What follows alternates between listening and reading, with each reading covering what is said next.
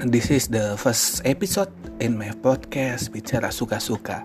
Sekarang gue lagi sama saudara gue yang merupakan ahli gizi Dan dia sedang S2 di UI Walaupun gue gak tahu dia serius apa enggak.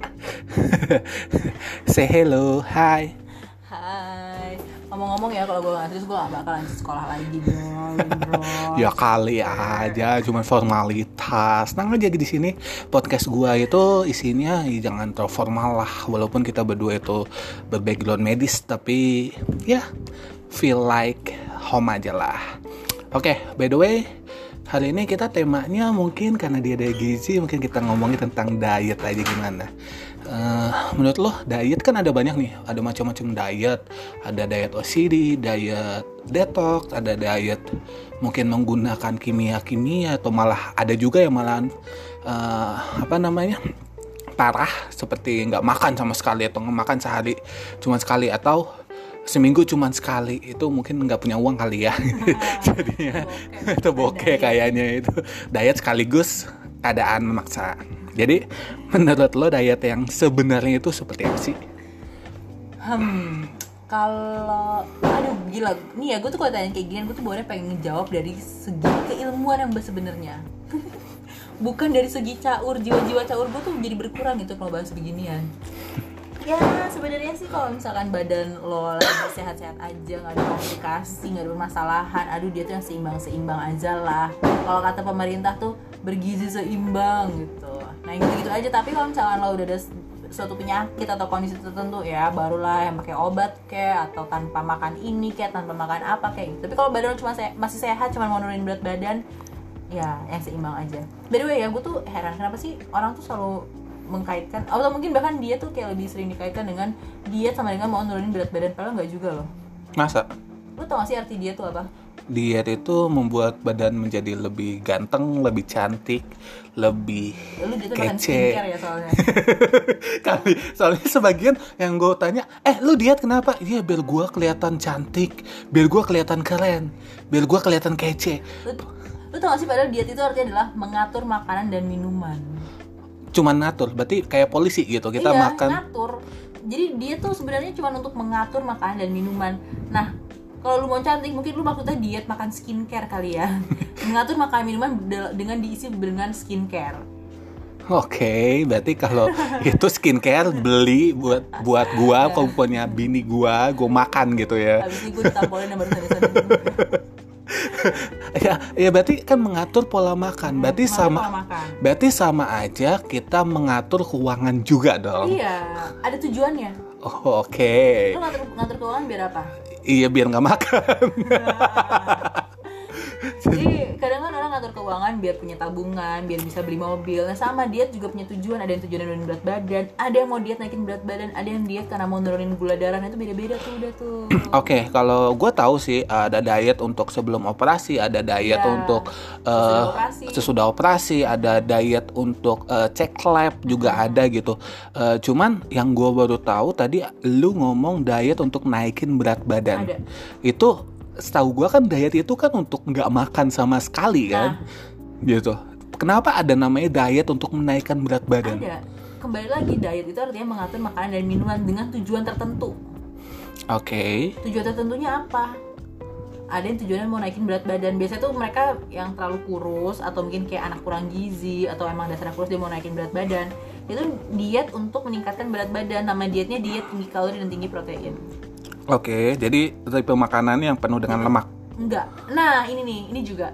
Kadang tuh orang gini dia mau naikin berat badan naikin massa otot. Eh tapi kok kebablasan? Kolesterol naik lemak naik aduh pusing deh hamba. Nah caranya kalau mau naikin berat badan naikin massa otot tapi tanpa naikin lemak yang banyak dimakan adalah karbohidrat yang sehat kayak sayur gandum nasi tapi nggak digoreng. Bukan nasi goreng ya. Terus eh, tetap makan daging tapi fatnya tetap dibatasin. Porsinya aja ditambah Oke, berarti porsinya ditambah. Berarti kalau kita makan cuman kan kata orang kalau mau diet makanlah dua cuman dua sendok makan, makanlah dua centong dua sendok makan. Tapi dua sendok makannya berkali-kali gitu. Nah, gitu. Gitu. Iya, itu terus- bisa kok ada ada yang kayak gitu Terus gua- yang gue tahu ya kalau gue kan basicnya sebagai fisioterapi dan gue paling suka fisioterapi tentang sport. Yang gue tahu adalah kalau kita mau menaikkan massa otot kita harus banyak makan protein. Mm. Itu berarti kan kita menambahkan massa otot bukan massa lemak iya gitu. betul Kenapa pro- kenapa harus protein? Kenapa nggak karbohidrat? karena Lemak sih nggak mungkin ya gitu kan. Kenapa nggak karbohidrat? Karena sebenarnya ke- untuk naikin massa otot karbohidrat juga diperlukan. Karena kan kalau kita naikin massa otot kita olahraga. Adalah aktivitas-aktivitas yang dilakukan. Itu kan membutuhkan energi. Itu tuh didapetinnya dari yang utamanya dari karbohidrat. Nah si proteinnya tuh fungsinya di mana? Eh, ketika kita melakukan olahraga atau suatu aktivitas untuk meningkatkan massa otot kita tuh butuh energi untuk beraktivitas itu sendiri. Nah kemudian sebenarnya olahraga itu kan menghancurkan massa sel otot bener nggak Hmm. dan kemudian otot akan terbangun menjadi lebih kuat, lebih kencang, lebih lebih lebih gitulah. Wow, lebih kencang. Aduh, apa ya? Oke. Oke.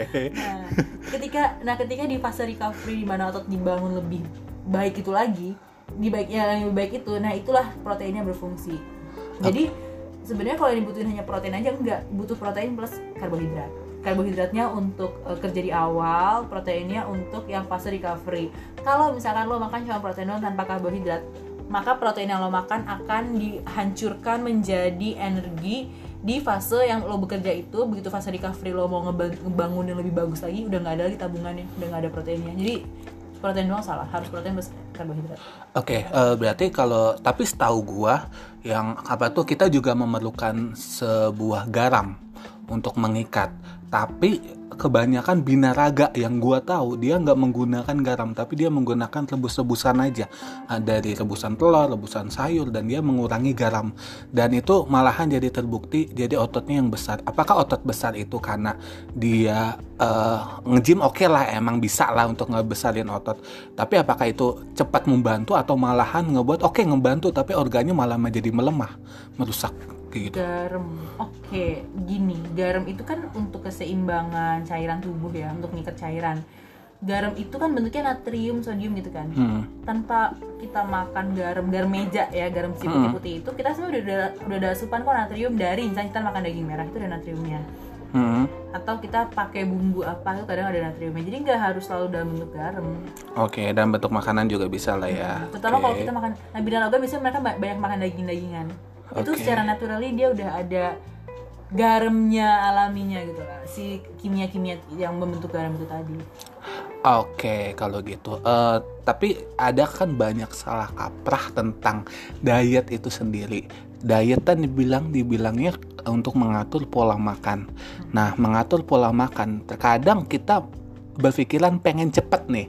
Ah, pengen ngatur ah pola makan. Emang kita diet mengatur pola makan, tapi ekstrim banget gitu nyampe eh, makan cuman sehari cuma satu sendok gitu. Ada kan yang kayak gitu cuman banyakin minum air biar nggak lapar. jadi sapi gelonggongan. Ya mungkin aja kan ada tapi ada kan kasus beberapa orang yang Iya. yang apa tuh mau diet cuman minum aja ah malam nggak mau makan ah takut mungkin dia mau gendut gitu. penyakit lambung Oke, berarti kalau malam itu nggak makan sama sekali banyakin air itu juga nggak baik ya? iya jangan ya mungkin sekali dua kali belum berasa efeknya tiga kali empat kali lima kali enam kali tujuh kali sepuluh kali baru berasa gitu Oke, kayak gitu.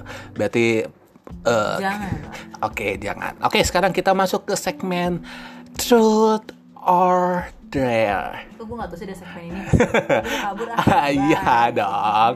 Jadi gini, sebenarnya gue pengen truth or dare itu dalam hati gini, bukan harus ngelakuin kejujuran, tapi kamu harus melakukan apa eh, pemikiran orang yang sebenarnya salah akan lu perbaikin.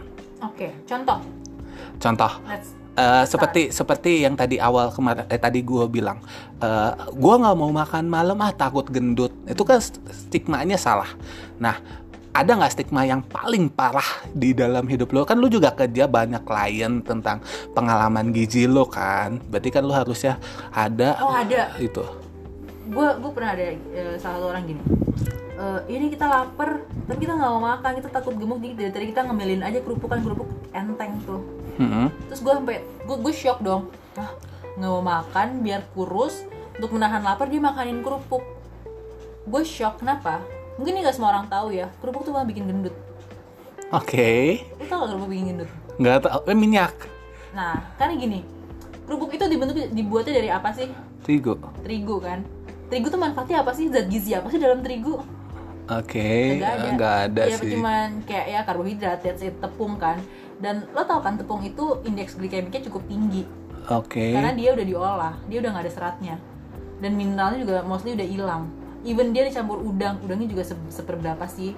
Yang lebih dominan tepung gitu kan. Jadi kenapa tepung, kenapa kerupuk bikin gemuk? Karena dia terbuat dari terigu yang indeks glikemiknya rendah.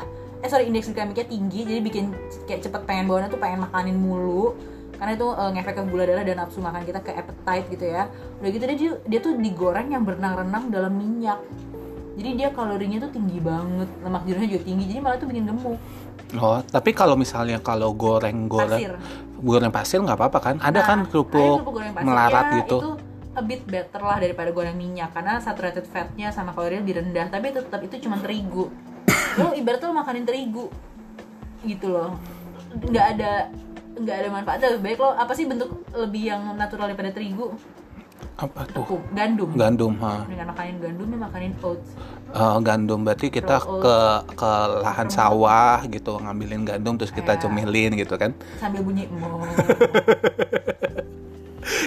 Oke. Eh, terus ada lagi nggak?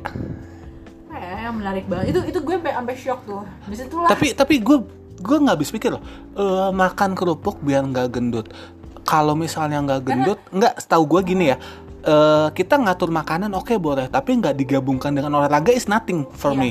It's nothing. Jadi kalau eh, kalian para pendengar pengen diet tapi cuman mengelola makanan aja tapi cuman leha-leha di kamar nggak ke mana-mana ya it's nothing gitu kan kalau mau lebih baik kalau emang mau ngatur lebih baik ngatur makan perlahan tapi banyakin olahraga. Olahraga nggak harus harus pergi ke gym kok. Kayak jalan pagi aja itu termasuk olahraga. Atau enggak naik turun tangga atau enggak duduk berdiri atau enggak jalan ke pasar gitu nemenin orang tua kalian gitu kan.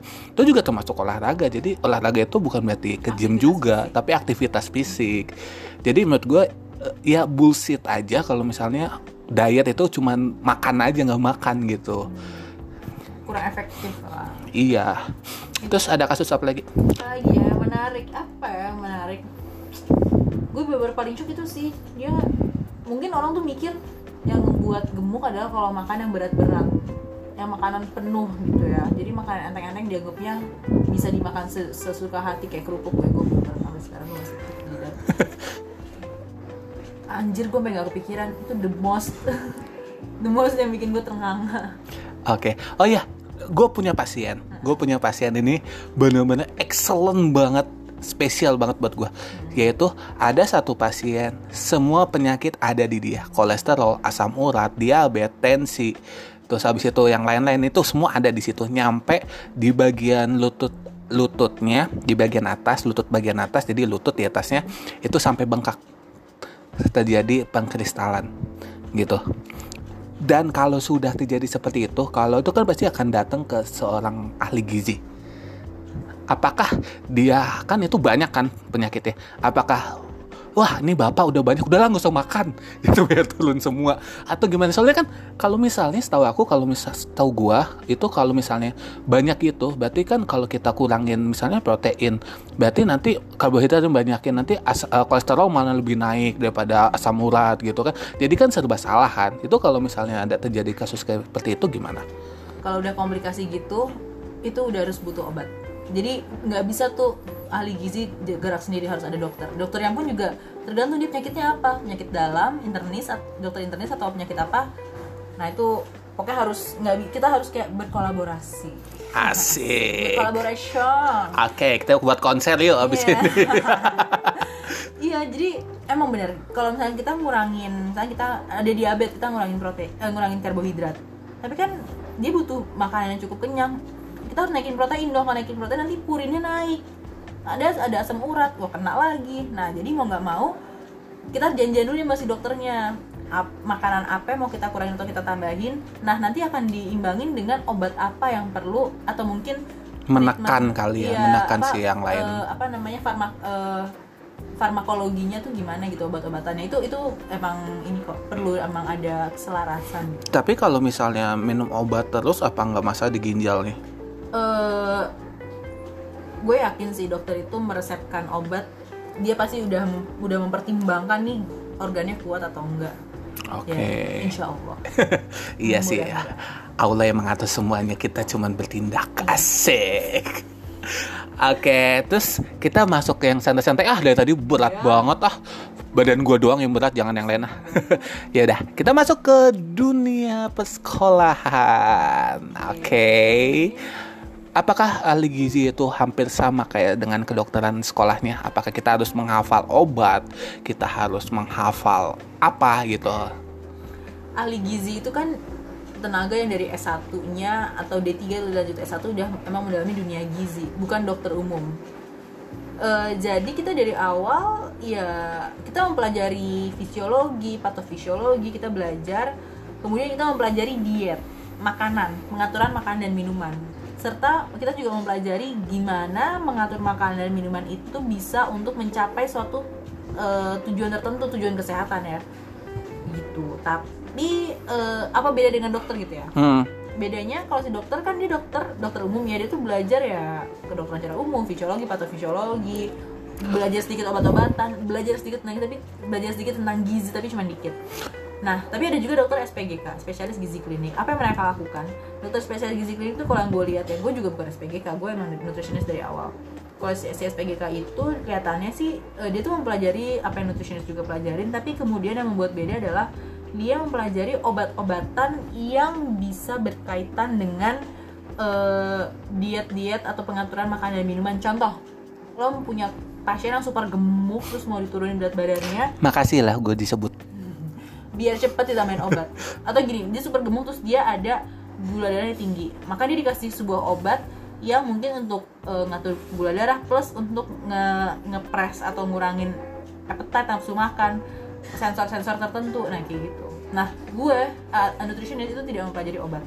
Eh, enggak enggak gini. Kita mempelajari beberapa interaksi yang mungkin terjadi antara obat dan makanan tapi kita tidak bisa meresepkan obat Oke, tapi yang gue tahu gue juga punya flashback seorang gizi juga kuliah gitu kan. Eh, dia dia juga belajar tentang bagaimana kita mengatur pola makan pasien. Mm-mm. Karbohidrat yang dibutuhin berapa, Ya, itu terus dipelajarin. protein juga itu dipelajarin. itu pengaturan makanan dan minuman Jadi eh, kita diatur oleh ahli gizi. betul itu pengaturan makanan dan minuman masuknya Oke, karena tadi mengatur makanan dan minuman, kita akan ada skenario gua sebagai pasien yang rese dan lu sebagai ahli gizi. Gua akan berkonsultasi tentang lo karena gue badannya nggak kecil lah ya gitu kan dan gue juga harus diet. Jadi ya gue mau pura-pura jadi konsultasi. Gimana? Siap? Karena gue tahu pasien resenya elu ya gue juga akan rese sih kayaknya. Coba aja dulu ya. Gue tidak akan menganggap lu sebagai pasien yang beneran. Sih jahat banget saudara gue. Oke, mulai. Tok tok tok. ya silahkan. Eh, dengan bapak siapa? Eh, dengan saya Aryo. Eh, ada gimana apa? Ada keluhan apa jadi gu- saya datang ke sini soalnya kan saya banyak banget nih masalah terutama eh, tentang kolesterol nih. Kolesterol saya tinggi banget itu gimana ya eh, ngatur pola makannya? oke boleh eh, terakhir cek kolesterol kapan ya Eh, kira-kira tiga tahun yang lalu. Nah, gini, jadi ketika kita, kalau kita memang mau eh, apa ya, eh, mau mencapai sesuatu, sebaiknya kita itu ada pengukuran yang paling terdekat yang supaya akurat gitu. Jadi sebaiknya bapak dimulai dengan cek lab dulu aja. Ke lab di sebelah. Eh, tapi eh, saya nggak punya uang gimana dong? Yaudah sini kita lakukan finger prick test aja ya. Kita pakai eh, ambil darah sedikit di ujung jari. Oh, eh, Oke. tapi free kan? Free. Oke, siap. So. Tapi kalau masalah eh, makanan, ah, makanan apa aja Oke. sih yang tuh? Yang pertama, yang orang Indonesia ini suka banget gorengan. Wow. Jadi- Oke. Kenapa sih kolesterol tuh bisa tinggi? Kolesterol itu bisa tinggi karena mungkin bapak kebanyakan makan yang tinggi kolesterol jahat dan kebanyakan makan yang lemak jenuh. Oke. Lemak jenuh itu dari mana? Dari goreng-gorengan biasanya ini orang orang Indonesia dari goreng-gorengan, dari santan-santanan, dari jeroan dan kulit-kulit hewani. Contoh kulit ayam, kulit bebek, kulit sapi, kerupuk kulit. Terus yang jero-jeroannya usus lah. Mungkin makan bubur ayam dari pagi dan sate ususnya itu juga jeroan. Tapi kata teman saya mengatakan kalau kita berolahraga itu akan menghilangkan karbohidrat. Tapi kenapa saya dilarang kayak gitu? Nanti saya makan apa dong? Ih, makannya sayur sama buah, Pak. Tapi kan udah berolahraga. When it comes to diet yang untuk menurunkan kolesterol dan kayak gitu-gituan, itu uh, diet is 70%. Oke. Kecuali kalau olahraganya itu yang super duper ekstrim. Memang Bapak olahraganya apa ya? Olahraga di kasur. Haha, goodbye. Maksudnya catur, catur, catur, catur sama Tidak bisa. temen. Tidak bisa Ferguson, tidak semudah itu. Oke. Eh tapi gini deh, gue mau nanya balik. Eh lo lo lo udah jadi masih jadi pasien gue apa enggak nih? Eh udah udah udah udah udah gue keluar gue keluar gue keluar. Oke gue keluar. Gue nyerah, gue nyerah. Oke, gue mau nanya. Kan kita seperti awal bilang kita butuh diet dan butuh olahraga. At the same time, what is the best for the first time, diet or sport? Tergantung tujuannya apa. Oke, maksudnya? Tujuannya itu orang gemuk mau nurunin berat badan, orang gemuk dengan komplikasi mau nurunin berat badan, atau orang normal mau jadi atlet atau memenangkan sebuah kejuaraan. Oke, kalau misalnya buat itu badan berarti diet dulu. Kalau buat yang mana? Yang gemuk mau kurus Ah. tanpa ada komplikasi. Ah, Pola makan dulu. berarti nggak usah sport dulu. Sport boleh, eh, tapi disesuaikan dengan kemampuan tubuh. Eh, ada beberapa orang yang mungkin gemuknya tuh udah gemuk banget, sampai mungkin obes tingkat 2 atau tingkat 3. Jadi olahraga yang terlalu berat dia nggak kuat lututnya, sendi-sendinya gitu. Oke, iya sih. Eh, setahu gue juga itu juga memerlukan energi kan, energi Iya, dari dan- si itu. Mm, terus kayak nggak nggak semua jenis olahraga dia bisa lakuin karena nggak nggak kuat badannya untuk menumpu jadi diturunin dulu eh, secara pelan-pelan dengan cara ngatur makanan sampai berat badannya turun tapi dibarengi dengan olahraga dengan intensitas yang rendah contoh mungkin eh, jalan kaki pun juga mungkin nggak bisa lama-lama tapi lebih ke berenang sepeda Oke, tapi kalau misalnya olahraga, berenang dan sepeda, sedangkan setahu gua kalau mau diet itu lebih bagus kalau menggunakan beban. Beban itu kan berarti istilahnya untuk menambah massa tubuh. Sedangkan kalau sepeda dan lari itu termasuk olahraga aerobik itu malahan eh, kata orang sih setengah jam itu cuman membakar glukosa glukosa doang. Kalau misalnya mau membakar lemak itu harus satu jam, ya kan? Apakah dengan mengangkat beban juga sama dengan intensitas seperti itu? Hmm, kalau angkat beban itu efeknya akan, akan lebih efektif. Tapi kalau emang starting pointnya kita kita bahasnya kita punya klien obes tingkat 2 Hmm, itu udah bulat banget misalkan makasih loh. nggak lu masih mungkin belum belum Oke, OB satu lah nang aja. Hmm. Nenangin diri sendiri aja sih gua. yang pertama Oke. kalau mau banget dia harus ngatur makan dulu terus olahraga yang enteng-enteng dulu kenapa selain untuk mencegah cedera-cedera yang kedua juga untuk melatih supaya satu secara psikologis dia tidak kaget dengan olahraga dan dia tidak, jadi membenci olahraga. Oke. yang kedua supaya tubuhnya tuh kayak ketahanannya dia dibangun dikit-dikit lah. Ketika nanti berat badan udah mulai turun ketahanan mulai naik kita tingkatin lagi ininya challenge-nya. Makin tinggi lagi intensitasnya dietnya makin diatur lagi gitu. Jadi pelan-pelan pelan-pelan sampai akhirnya olahraganya cukup high dietnya yang bener-bener clean diet gitu. Oke, tapi gue juga pernah baca, bukan baca sih, gue ngeliat di YouTube melakukan olahraga, tapi dia nggak bilang harus makan apa-apa gitu ya. Eh, itu bisa nurunin berat badan gitu. Kayak misalnya tahu burpees nggak? Mm, Burpees, eh, the burpees kita lakuin kalau nggak salah 50 kali sehari dan dia dilakukan berapa bulan itu bisa ngebuat badan sebagai kecil dan lemak-lemak akan terbakar. Apakah itu malahan menyiksa diri sendiri dan organ atau malahan cara itu merupakan yang terbaik. Dengan tanpa misalnya diet tetap diet tapi dietnya cuman minim banget tapi lebih ngutamain sport.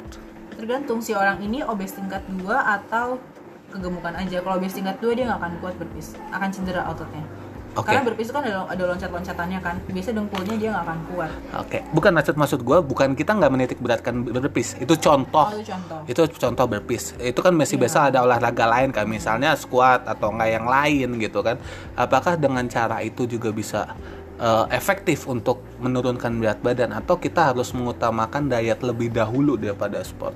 Tergantung.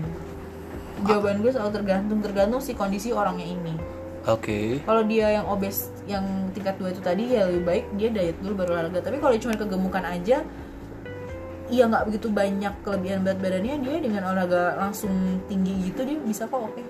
nggak apa-apa. Oke okay, kalau gitu.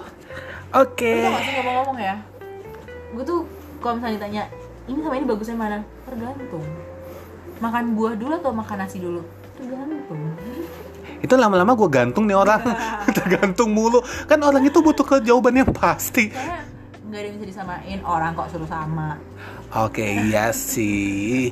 Kalau sama TV nggak jadi berwarna ya, hitam putih iya, ya. Oke. Okay. kehidupan kita. Jadi intinya kita emang kita perlu diet tapi kita juga ngelihat kondisi ngelihat kondisi orang tersebut juga ya kali ya apakah dia orang tersebut itu uh, apa tuh namanya grade uh, grade apa namanya di, uh, obesitasnya seberapa. Kan itu bisa lihat dari IMB-nya kalian pasti tahu lah IMB itu apa. IMT. eh IMT sorry IMB lagi.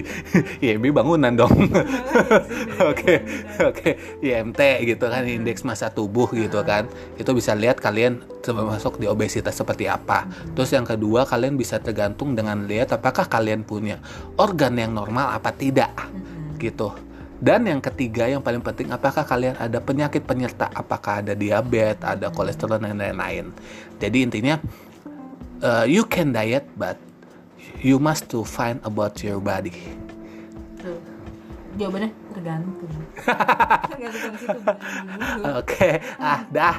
Thank you ya untuk uh, saudara gue. Untuk mungkin next episode mungkin kita akan sedikit nakal. Jadi see you the next episode. Bye bye.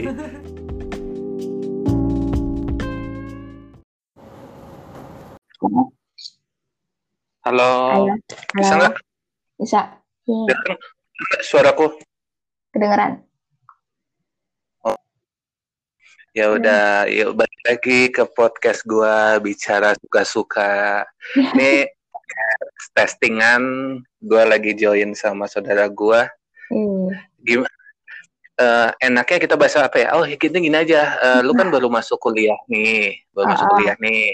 Uh, gue mau nanya nih menurut lo apa sih perbedaan dari masuk kuliah kampus swasta dan sekampus negeri? Uh, kan banyak nih banyak, banyak nih yang bingung nih banyak nih yang bingung. Uh, kalau gue pengen masuk negeri ya biar cepet dapat kerja atau enggak ah gue mau masuk swasta aja ah kayaknya lebih bonafit atau apa gitu. Kan ada juga yang bingung kan masuk negeri apa swasta ya? Gue takutnya kalau masuk swasta nggak bisa dapat kerja gue takutnya masuk negeri juga sama takut nggak bisa masuk kerja atau gimana gitu. Uh, gimana? Karena aku baru TTS doang di yang PTN mm -hmm. aku belum masuk. Nah kalau kan aku masuk binus kan. Nah di PT di binus tuh semuanya udah kayak diarahin mau nanti ospeknya buka link ini ya terus ada kelompok-kelompok kayak gitu jadi lebih tertata lebih teratur lah. Iya terus kalau misalnya lo masuknya negeri apa swasta sih? Baru swasta negeri belum. Oh bedanya swasta sama negeri apa? Bedanya apa aku nggak tahu. Soalnya kan ada yang ada yang negeri edik ada yang swasta edik ada yang apa gitu kan. Uh-uh. menurut lo itu berpengaruh nggak sih buat apa tuh namanya? Pokoknya gue harus masuk ke kampus yang namanya besar. Gue mau masuk ke kampus yang keren. Ada yang gue mau masuk kampus karena temen gue masuk kampus itu juga. Kan ada juga kan? Yeah. gitu kan? Uh-uh. nah itu gimana? Apakah kita harus uh, masuk kampus memilih kampus yang sesuai dengan uh, nama atau sesuai dengan keinginan lo atau sesuai dengan teman lo atau gimana menurut lo? Menurut aku sesuai kalau misalnya untuk kampus mah ya udah kalau misalnya bagus ya bagus tapi kalau misalnya ada kampus A tapi si jurusan yang lo mau akreditasinya masih di bawah kampus B yang sebenarnya nggak dilihat orang banget nah jadi pilih aja akreditasi yang lebih bagus jurusannya gitu jadi oh, oh gitu ya sebenarnya uh, jadinya semua kampus Hmm? sama aja sih.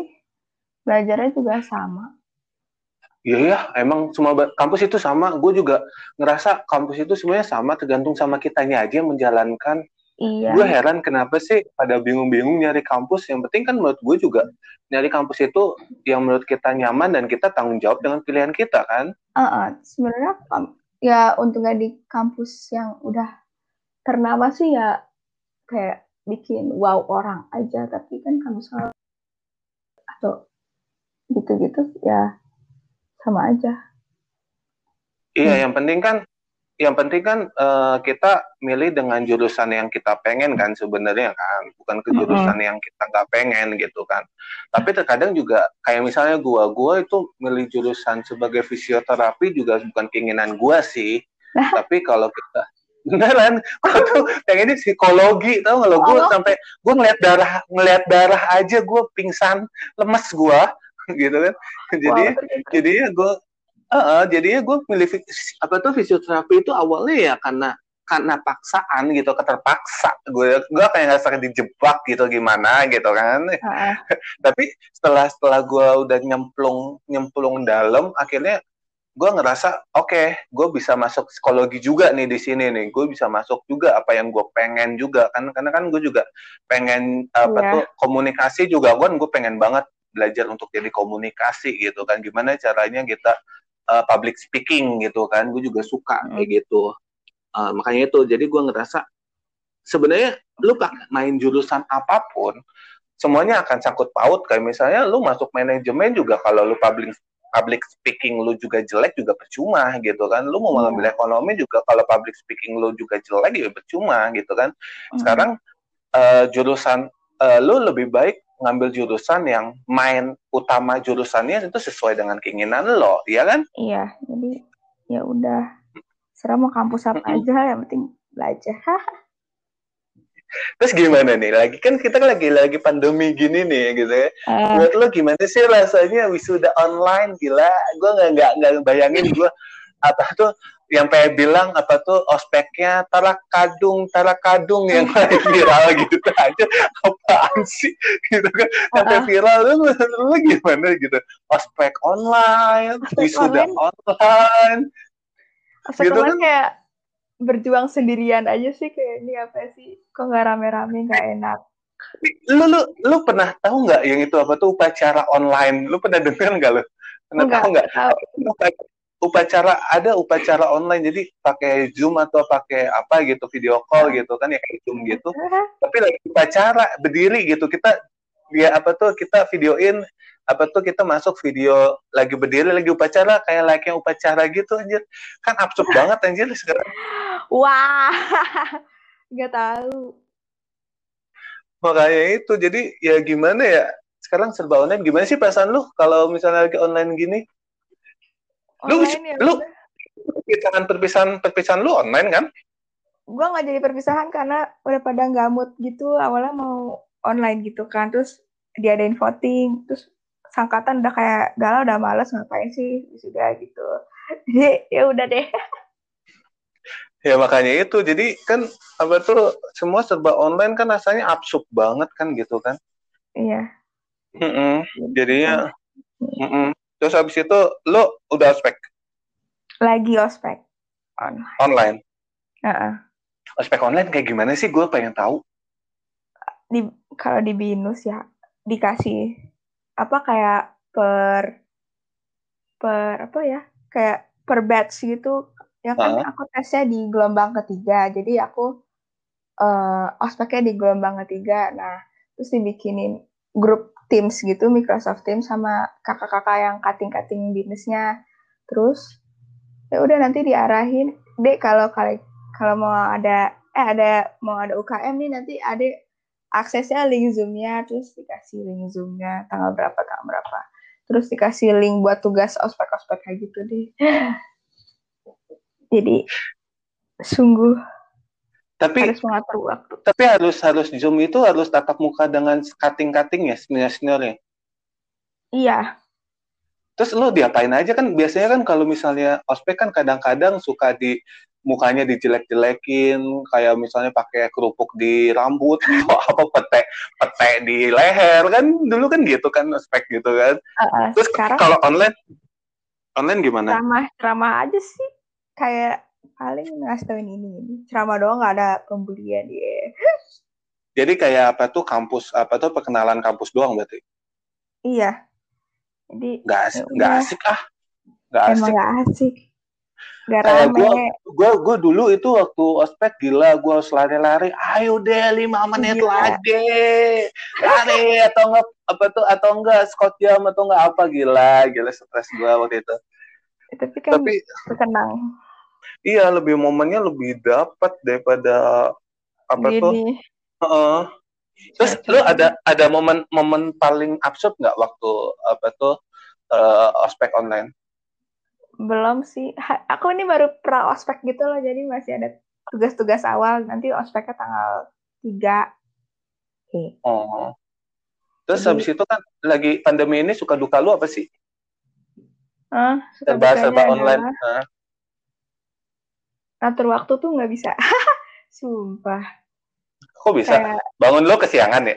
Iya bang kesiangan. Terus tinggalan kelas bimbel kan. Terus kayak udah ngapain mau bimbel? Udah terus belajar nggak tentu terus kalau merasa kayak merasa gagal banget gitu loh untuk semua. Kan TO TO online kan sendiri. Terus Eh, ngelihat nilai-nilai TO yang terus TO yang terus turun gitu kan sih kayak ini sebenarnya gue bisa masuk nggak sih? Bisa masuk negeri gak sih? Gitu.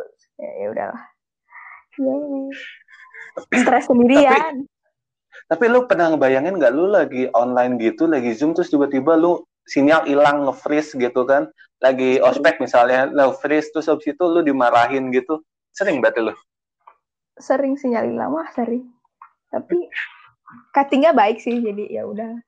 Bisa pakai alasan kak maaf ya sinyalnya hilang. Sumpah nggak ada rasanya. Emang hambar banget ya gitu ya? Iya ya ampun. Aku perlu garam. Terus habis itu lu menurut lu ada yang mau nanya nggak? Lu masa gue mulu yang nanya? Nggak tahu.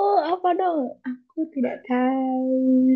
Ya udah eh, apa tuh? Hmm, namanya eh kalau misalnya kampus lu jurusan apa sih psikologi. Wah kesukaan gua tuh lu harus ajarin gua gua nggak mau tahu lu harus ajarin Makanya- gua. makanya gue kaget kalau misalnya Mas Nunu mau itu apa psikologi awal kayak wah! Ya beneran sumpah gua tuh pengen psikologi. Kenapa? Karena karena gue tuh senang ngebaca karakter orang gitu kan. Jadi kan gue juga harus Mhm. ngebaca karakter pasien gue ini ada pasien gue yang bisa gue ajak ngobrol ada pasien gue yang nggak bisa gue ajak ngobrol ada Iya. yang pasien gue yang harus eh, pasien gue ini open minded apa enggak? Kan gue harus tahu gitu kan dari ilmu psikologi kan gitu kan. Mm-mm.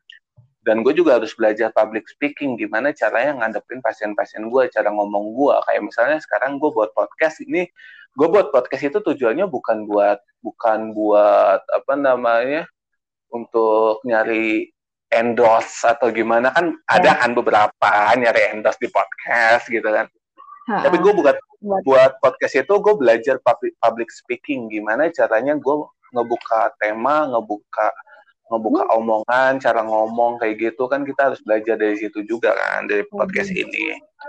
Walaupun Jadi- podcast gue masih podcast gue masih absurd gitu masih belum terkontrol. Tapi udahlah buat aja lah bodo amat. Iya. Lagi juga ini kan juga buat bisa buat kenang-kenangan juga kan gitu kan. Progres Ah. gua public speaking gua kayak gimana gitu kan. Lu nggak minat Hmm. buat podcast belum aku nggak bisa ngomong tau tapi kan lu di apa namanya psikologi kan harus belajar ngomong juga kan? Iya tapi belum. Tahu. Makanya ya lu milih psikologi buat apa? Kenapa? Karena buat anak-anak. Buat ya buat emang emang psikologi anak doang kan ada dewasa juga iya tapi sebenarnya goals gue adalah membuat tempat konsultasi anak-anak loh jadi anak-anak kayak gimana? Yang yang kesepian lah yang pendiam lah yang broken yang kayak kurang gitu. kasih sayang orang tua gitu. Iya. Hmm. Terus habis itu juga ngebuka konseling buat percintaan. Asik. Eh, tapi banyak tau kasus-kasus kasus-kasus yang tentang percintaan Hmm. ngebuat hidup berantakan. Ada loh. Iya, itu marriage counselor aja.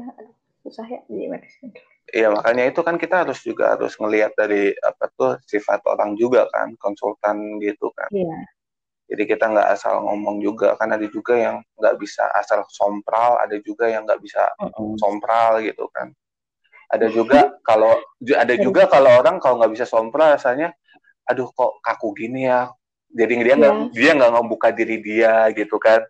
Ada juga Ah. ada juga orang yang ini orang sompral banget sih, gue jadi ilfil deh kayak gitu. Jadi nggak terbuka juga kan. Jadi kan lo harus mengenal juga kan, belajar mengenal sifat karakter kayak gitu. Yes, Majayo. Makanya gue suka banget psikologi, sumpah kenapa gue nggak bisa masuk psikologi sih, ya Allah. Ayo ambil S asa- ambil S1 psikologi lagi. Enggak, gue udah dua kali kuliah. Jadi tahu. udah istilahnya otak gue udah ngebul gitu. Kata saya dulu mau cooling down dulu lah. Ya udah urus. Jadi fisioterapis aja. Kan juga banyak yang mengurusi mental karena sakit gitu right. Iya sih. Ada juga kan beberapa orang sebenarnya itu sakitnya nggak terlalu sakit, tapi karena dia terlalu mikirin sakitnya, maka kadar sakitnya akan meningkat juga ada kayak gitu kan ada efek psikologi gitu. Istilahnya Iya. istilahnya kayak lu fokus sama kerja tapi lu belum makan lu pasti nggak lapar karena lu fokus sama kerja gitu kalau udah lu udah Iya. selesai kerja lu pasti akan nggak lapar gitu kan bukan kerja aja lu lakukan sesuatu lu fokus gitu lu pasti nggak lapar gitu tapi kalau lu fokus lu daily Iya. pasti lu lapar gitu juga kalau misalnya lu nang, eh, ada kasus sakit gitu lu fokus sama sakit ya udah sakit tapi kalau lu nggak fokus sama sakit ya sakitnya akan berkurang gitu Iya. makanya ilmu psikologi penting banget Nah, di di di mana-mana. apa pun, di apa pun. Gitu kayak lu, lu nanganin klien, klien lu pengen apa lu harus baca karakter. Misalnya ini kliennya pengennya detail banget, lu harus lu harus eh, ngejain eh, apa tuh presentasi yang detail gitu. Ada juga yang nggak Iya. suka bertele-tele, maunya to the point. Ya udah to the point gitu kan juga ilmu psikologi sebenarnya. Iya. Komunikasi. Makanya gue saudara lu masuk mana akhirnya? Udah keterima di UAI, alhamdulillah. Jurusan? Terus, apa eh, PAUD jurusan PAUD PAUD, PAUD TK. jadi ah, ah, ah, Jadi guru Di- TK dia. bukan guru TK juga sih. Maksudnya mempelajari anak-anak usia dini lah. Berarti kalian berdua sama-sama suka anak ya? maybe. Nggak tahu gue nggak pernah ngeliat ke dia. Interaksi sama anak-anak. Tapi- ya Tapi PAUD, PAUD itu prospek kerjanya apa sih? Yang gue tahu cuma jadi guru TK gue nggak tahu bener-bener sih Ya berarti itu apa bedanya dengan jurusan apa tuh eh, Apa? namanya yang di UNJ? UNJ kan juga ada tuh guru bagi guru-guru buat guru-guru kan? Eh Oh, UNJ, oh. iya UNJ deh kalau nggak salah. Yang guru-guru TK, berarti sama aja dong. sama itu yang swasta yeah Ya, cuma kalau menurut gua, kalau menurut gua ya, menurut gua swasta apa negeri itu nggak penting. Yang penting Yes. itu, yang penting itu channel karena karena ada beberapa Iya. berapa berapa kantor atau beberapa tempat kerja mereka Hmm. mengandalkan institusi kayak misalnya isinya BIDU semua isinya isinya eh, Heeh. UI semua IPB semua ada juga sih beberapa gitu beberapa kantor kayak gitu jadi ya menurut, nanti kan menurut gue ya nggak penting juga sih betul. Yes. Kampus mana? Benar sih tapi kadang orang memikirkan prestis jadi ya udah. Ya udah ya udah Ah. gini kita bahas bahasa yang fun fun aja lah. Ya gimana sekarang cowoknya gimana nih? Misalnya yang beda kampus gitu kan beda jauh dari SMA punya pacar terus kampus harus berpisah. Gimana tuh nggak tahu. Ah gimana tuh? Tetap kontak aja kali. Tetap kontak Sama. tapi tapi kan tapi kan bisa jarang ketemu. Iya terus nggak tahu kan ya. Ya udah. Ya gimana? Gimana? Eh, nggak pernah. Biasanya orang-orang kan ya ada yang setia ada yang enggak ya udah lah nih soalnya gue juga pernah tuh gue SMA bareng sama adalah cewek gitu kan. Gue pacaran sama dia. Ah, terus pas udah kampus kita beda kampus. Awalnya kita bertahan cuman berapa bulan kita harus putus gara-gara terlalu sibuk. Asik. Heeh. terus aduh gimana, terus? Gimana tuh? Lanjut lagi. Ya enggak lah udah lah udah bisa. Terus nanti lu gimana? Oh. kalau misalnya ada satu orang terlalu sibuk terus kan pasti kan jarang ketemu negatif thinking terus gimana Mm-mm. tuh? Dari ilmu psikologi deh gimana tuh? Kan lu mau masuk psikologi. Kan saya kan belum belajar. Tapi kan Eh, basic-basicnya tau lah. Ya. Eh tapi gua ya tapi itu. tapi gua sebenarnya paling gak suka lo pacaran sama anak psikologi kenapa apa semuanya di Terawang bukan bukan nggak bisa bohong gua ketahuan oh bohong iya bener juga Iya kan pacaran sama psikologi. Wow, gue tahu nih dia lagi bohong nih. Ayo, gue tahu nih ciri-cirinya nih, Iya. gitu kan. dengerin aja udah iya, biasanya kalau pacaran sama psikologi kita harus hati-hati. Aduh, aduh dia tahu nggak gue bohong? Aduh tahu nggak ya? Tahu nggak ya? Gitu kan. Pasti ketahuan kan sama anak psikologi nggak enak, sumpah pacaran sama anak psikologi. Ya. Makanya, juga makanya tapi jadi anak psikologi juga enak. Jadi kita tahu bisa mengetahui orang-orang. Iya mengetahui kelemahan pasangan kita kayak gini-gini gitu jadi bisa terima apa enggak gitu kan. Jadinya kan tahu. Lebih mengerti. Yeah Asik. Cuma- Cuman banyak negatifnya sih. jadi ya udah ya. Makanya itu jadi ya itu. Ayo belajar Mm-mm. public speaking lah. ah nggak tahu pas dulu ya udah Ya ngomong lah, ngomong apa Pas dulu gitu. sekarang emang kerja aja maksudnya di on the spot kerjanya Kerja, kerja. Ini lagi kerja juga kok di tempat kerja gua. Lagi nggak? ada. Enggak, rame kok. Cuman lagi lagi nggak ada pasien aja. wah apakah tidak takut Eh, takut sih pasti ada lah. Mana ada seorang nggak takut. Tapi ya emang kerja di medis kan resikonya gitu. Nggak enak Iya. kayak kerja di medis. Jadi mau mau ada masalah, mau ada pandemi, mau ada bom nuklir, mau apa gitu kan udah panggilan panggilan kerjaan kan, panggilan nurani gitu. Makanya kalau sekolah di medis ya harus siap capek. Ya sama aja kayak Iya. Tiwi, Tiwi juga nggak ada istirahatnya kan. iya sih ya Mm-mm. Jadi gini Apalagi- juga. Apalagi zaman-zaman lagi pandemi lagi pandemi ini, pandemi ini juga kan eh, apa namanya mikirin juga kan apa namanya Mm-mm. eh, Iya. gizi kita banyak yang main banyak yang apa tuh eh, di rumah aja makin gendut gimana kan gitu Oh, ya maaf. gizi juga kan gitu iya sih ya kan jadi ya gitu gue juga sama kan banyak yang sakit takut ke rumah sakit jadi datang ke klinik gitu kan jadi makin ramai makanya nggak enak lah kerja di medis. Gak usah masuk medis lu. Nggak bisa juga. Ya lu lu udah masuk psikologi sih ya ya gitu ya. Tapi psikologi juga enak sih jadi ya asik sih Mhm. jadi jadi orang nggak bisa bohongin kita gitu jadi tau lah orang Mm-mm. mau bohong atau gimana. Makanya lu jangan masuk ke anak-anak lu udah masuk psikologi umum aja ya sebenarnya maunya anak tapi orang-orang bilang udah umum aja ya. Barang susah. Iya ma- psikologi soalnya tahu gue psikologi anak itu ribet loh daripada psikologi dewasa. Iya iya sih. Lebih kayak ngurusin apalagi nanti anaknya nggak mau ngomong nggak mau terbuka. Iya kan soalnya kan soal anak kan juga pasti ada ada ada takut ada takutnya kan. Iya jadi harus super baik super baik sebenarnya ragu tahu aku ragu tahu Kenapa? psikologi. Kayak kenapa? belum bisa ngendaliin emosi yang emosi sendiri aku aja belum bisa di aku kontrol gitu loh. Jadi gimana? Nanti aku ketemu pasien gitu loh. Nah gitu, iya sih, gitu juga awalnya juga pasti kayak gitu. Gue juga awalnya gitu kok. Apa tuh gue milih fisioterapi juga awalnya, aduh gue bisa nggak ya, aduh gue nemuin, gue nemuin darah nggak ya, kalau udah nemuin darah Hmm. gimana ya, aduh gue banyak banyak pemikiran sih, makanya kan banyak banyak orang yang masuk kampus, tapi Mm-mm. eh, apa namanya dia menyerah tengah jalan, banyak yang kayak gitu, karena Oh. mereka terlalu berekspektasi terlalu jauh.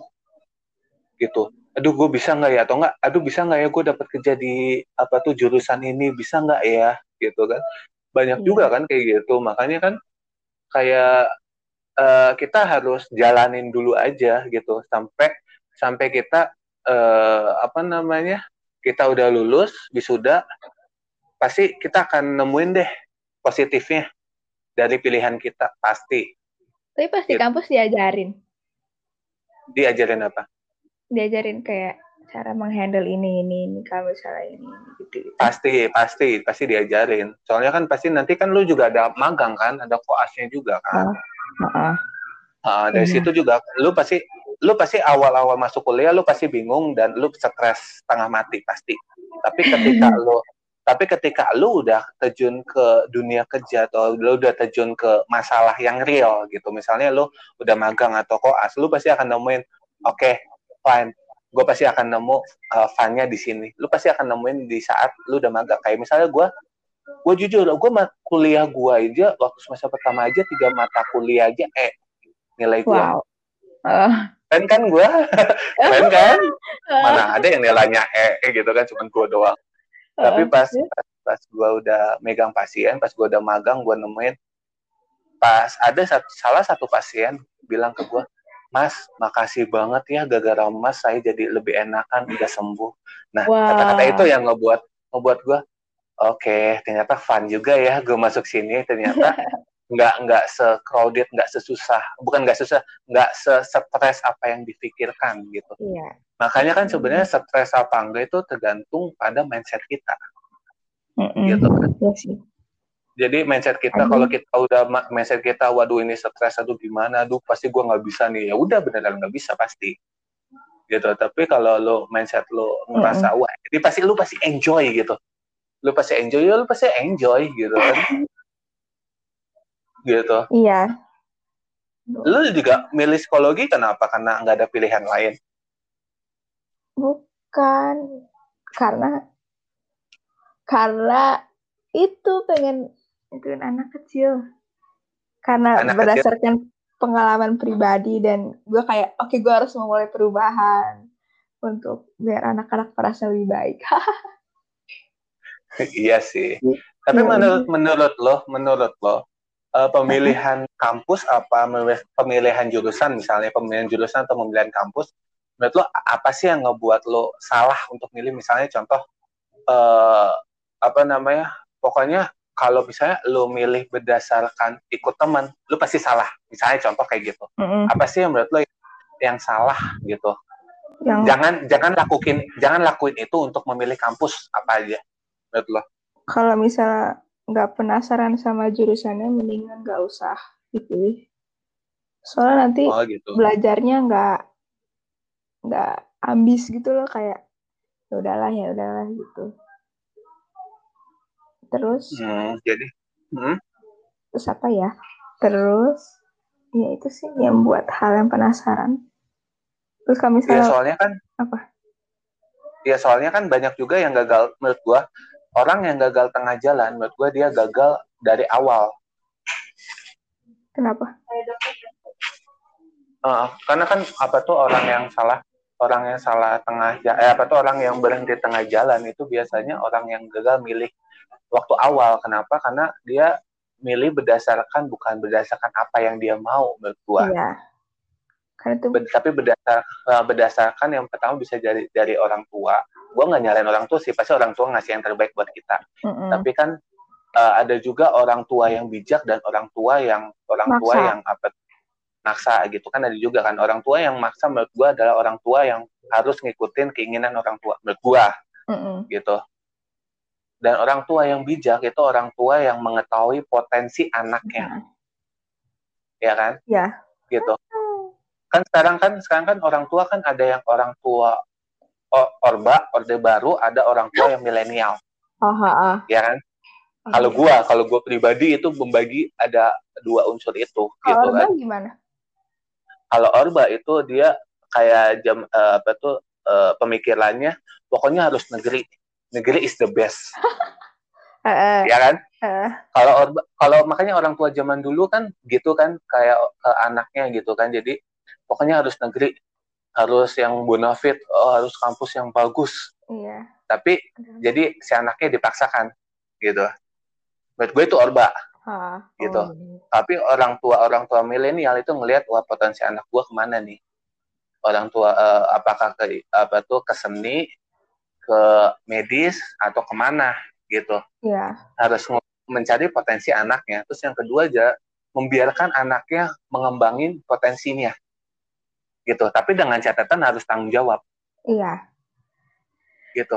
Karena menurut gue eh, seorang anak juga pasti akan berontak. Maksudnya dalam arti kalau memaksakan keinginan orang tua terhadap anaknya pasti ketika gagal harusnya yang disalahkan orang tua bukan anaknya Iya sih. gitu tapi kalau misalnya orang tua milenial itu yang harus disalahkan anaknya karena anaknya memilih Mm-mm.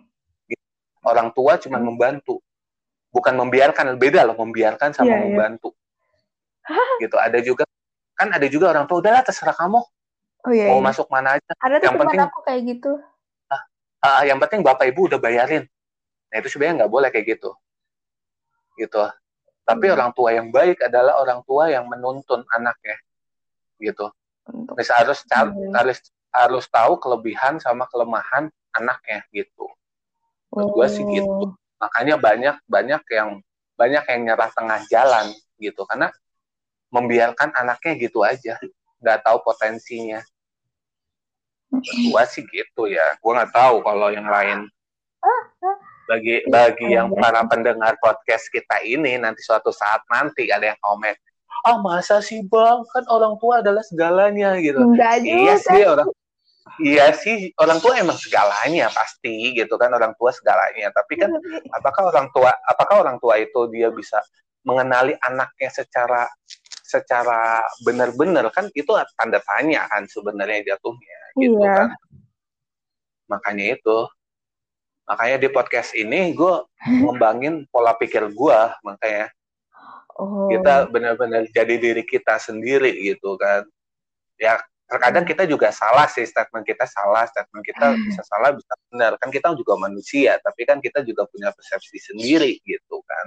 Iya. makanya makanya ada platform YouTube ada platform eh, podcast gitu kan. Tapi gue senang lebih senang podcast sih karena harus gua kan gua kan demam panggung ya gue demam panggung. Jadi ketika ada kamera gue pasti nggak bisa ngomong gitu kan. Tapi ya ampun. kalau podcast kan cuma suara suara doang gitu kan. Mana mungkin para pendengar tahu apa yang terjadi sama gua di sini Enggak, gitu kan.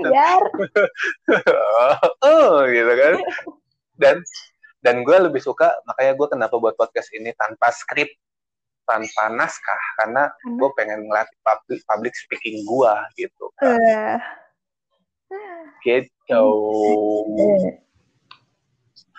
makanya kali ini tema temanya sih sebenarnya tentang online class. pendidikan sih Oh. uh, pendidikan dan uh, apa tuh pendidikan dan pandemi gitu hubungannya pandemi online semuanya serba online gitu suka dukanya online gitu. Kayak pemilihan kampus gitu soalnya kan sekarang kan lagi apa tuh banyak maba-maba kan gitu Mm. Makanya apalagi kan lu kan juga baru masuk kan gue pengen Iya. tahu nih pendapat lo gitu Sebenarnya belum belajar sih. ya, makanya itu kan jadi ya makanya semua makanya gue nanya dulu kenapa pilih psikologi kenapa gue pengen tahu Karena ternyata lu ada minatnya minatnya juga kan lu suka lu suka juga kan di Suka. jurusan itu ya udah berarti bagus karena lu kalau misalnya seseorang kalau milih sesuatu tapi lu nggak ada minat nggak ada interest lu pasti bakal gagal. Walaupun iya. interestnya cuma satu aja yang penting ada satu interest lu di iya, jurusan iya, itu lu pasti akan lu pasti akan bisa jalan.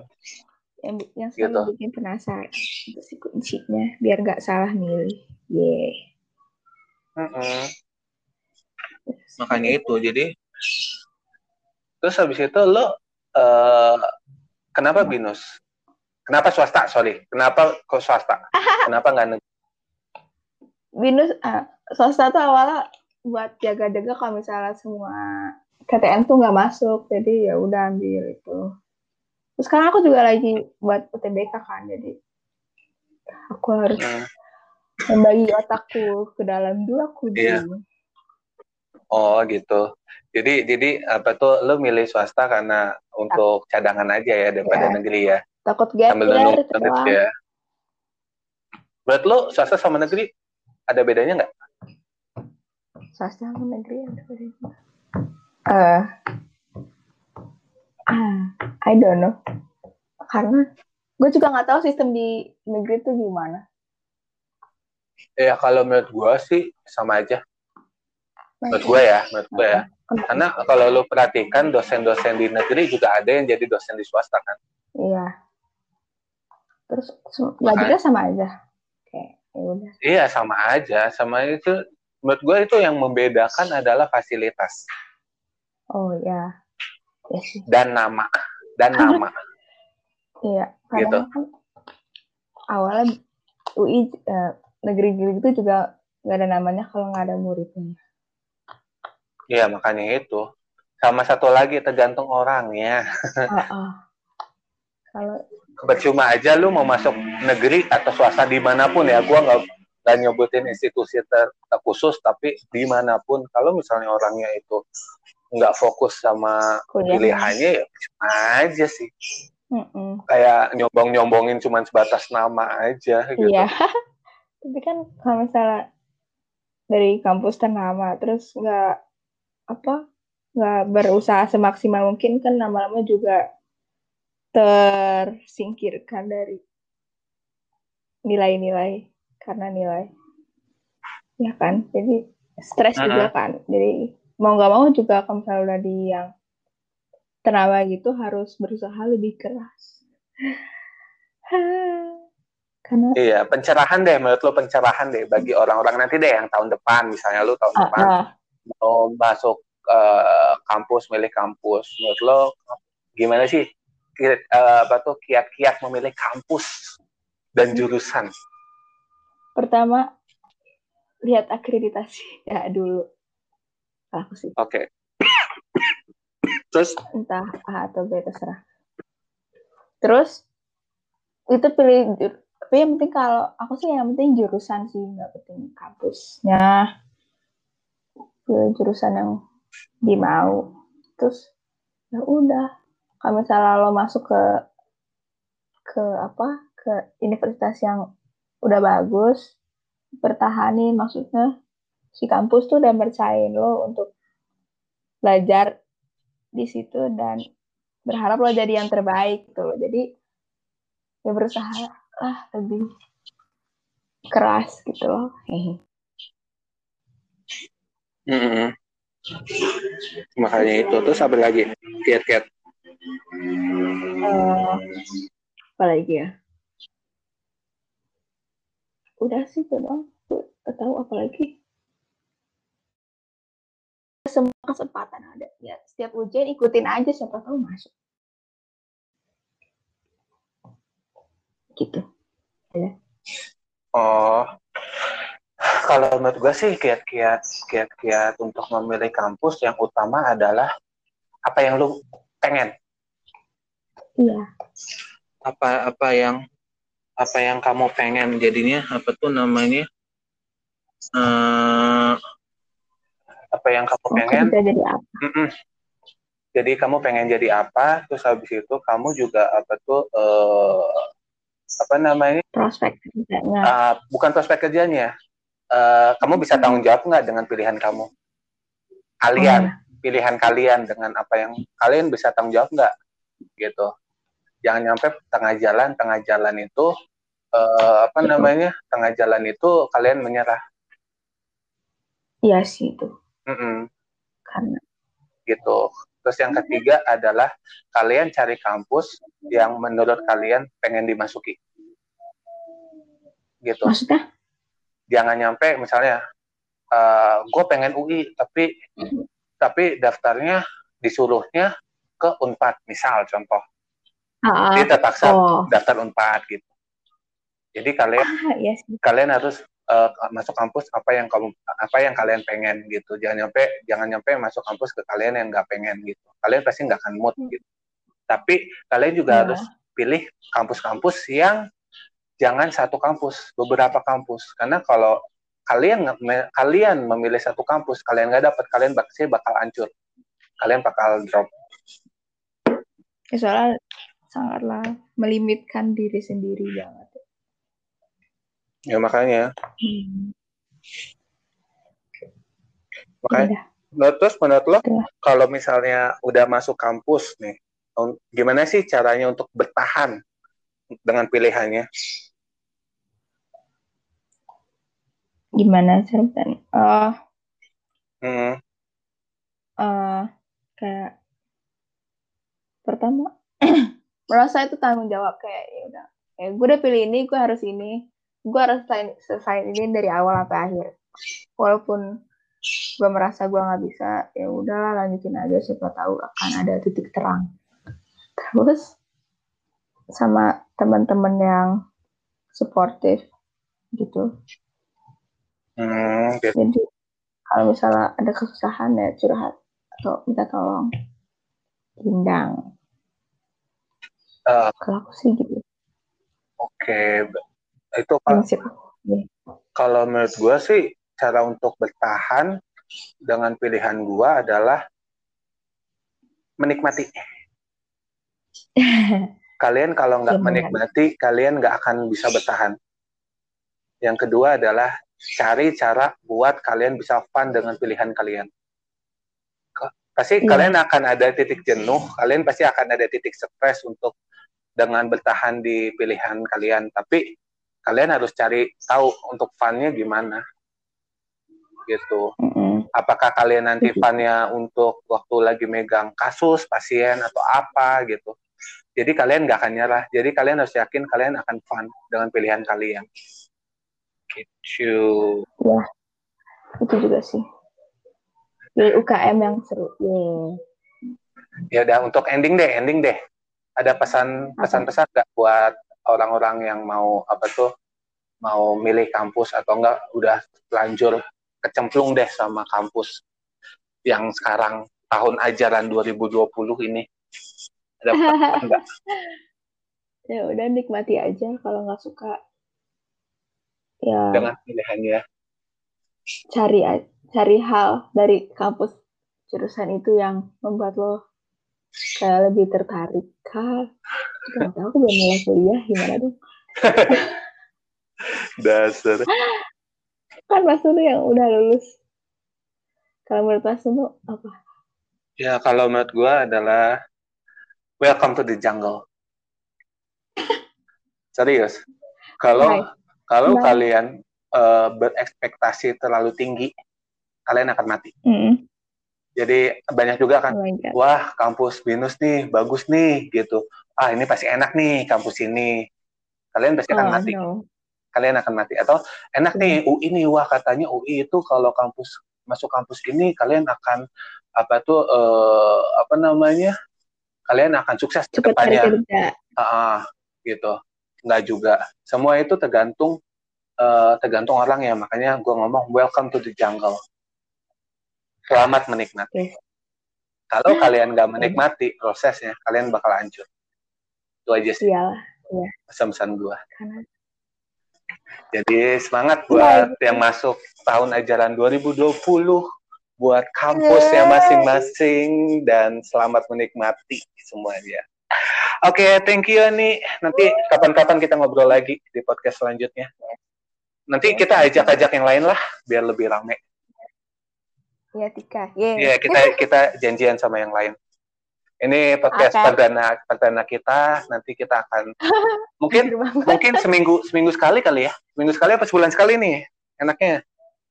dua minggu sekali ya udah nanti nanti kita buatlah perjanjian lah sama yang lain biar lebih fun lagi.